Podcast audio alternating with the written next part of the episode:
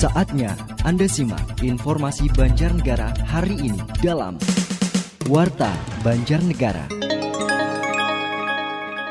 Apa kabar mitra? Inilah Radio Suara Banjarnegara kembali menghadirkan informasi aktual serta informasi penting lainnya yang terangkum dalam Warta Banjarnegara. Informasi utama kami mengenai polisi amankan tiga pasangan yang tengah mesum di kamar hotel. Setelah anjlok, harga telur ayam kembali naik. Berita selengkapnya disampaikan oleh Arjuna Jati. Warta Banjarnegara.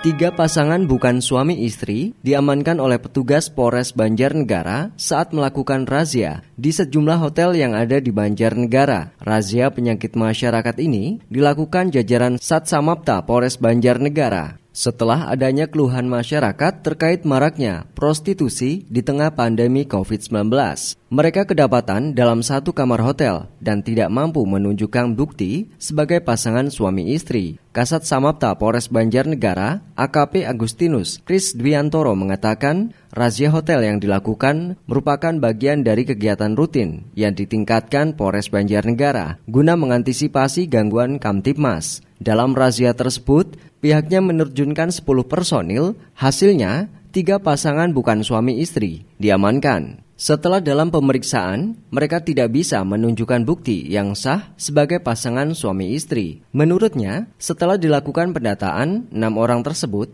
tidak hanya warga Banjarnegara, tapi juga ada warga yang beridentitas Banyumas. Enam orang diamankan, kemudian dilakukan pendataan dan pembinaan oleh Polres Banjarnegara kegiatan kepolisian yang ditingkatkan. Kami razia hotel ini kami antisipasi apabila orang-orang yang sengaja mau mengganggu Kamtimas di wilayah Banjarnegara ini terdeteksi. Yang kami harapkan di Kabupaten Banjarnegara ini tercipta suasana yang aman, kondusif, nyaman sehingga masyarakat bebas mau keluar masuk meskipun masa pandemi tetap patuhi protokol kesehatan. Selain dilakukan pendataan, Polres juga melakukan pembinaan serta meminta mereka untuk membuat surat pernyataan agar tidak mengulangi perbuatannya. Pihaknya berharap kegiatan razia bisa menciptakan rasa aman, kondusif, dan mengantisipasi gangguan Kamtipmas. Apalagi saat ini masih dalam masa pandemi. Untuk itu, polisi juga meminta pihak hotel untuk tetap mematuhi dan menaati protokol kesehatan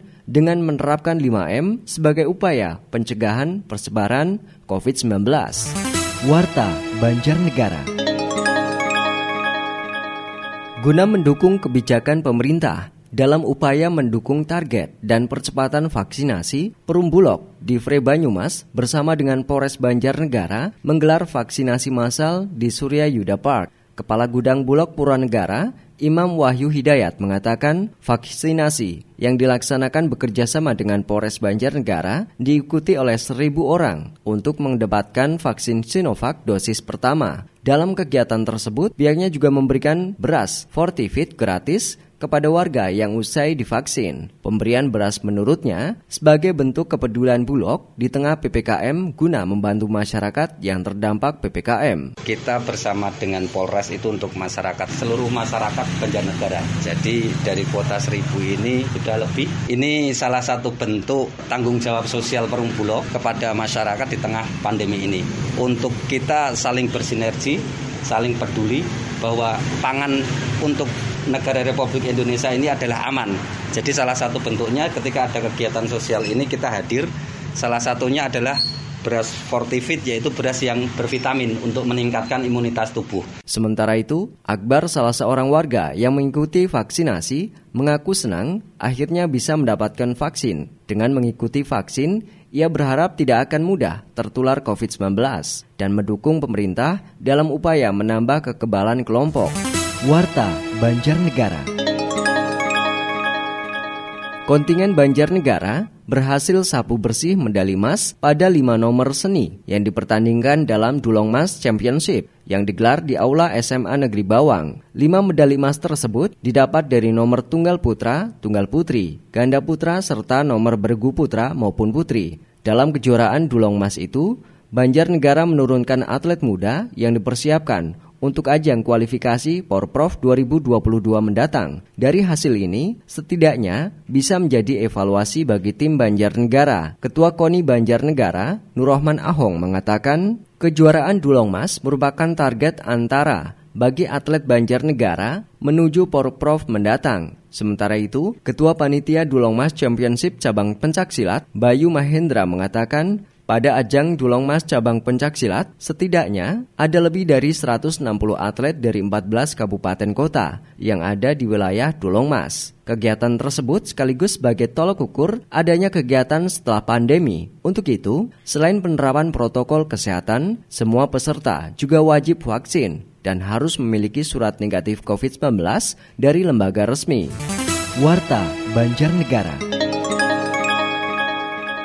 Setelah sempat anjlok, harga telur di Banjarnegara kini mulai naik, bahkan cenderung ke harga normal. Salah seorang pedagang telur di pasar kota Banjarnegara, Tuti Handayani mengatakan sebelumnya harga telur sempat anjlok hingga harga Rp17.000 per kilogramnya. Namun, sejak beberapa hari terakhir, harga telur terus naik dan saat ini menjadi harga Rp24.000 per kilogramnya. Menurutnya, kenaikan harga telur ini dipengaruhi karena stok yang terbatas akibat pasokan, serta harga dasarnya yang juga telah naik. Selain itu, kenaikan harga telur dan bahan kebutuhan pokok lain juga bisa terjadi menjelang Natal dan Tahun Baru.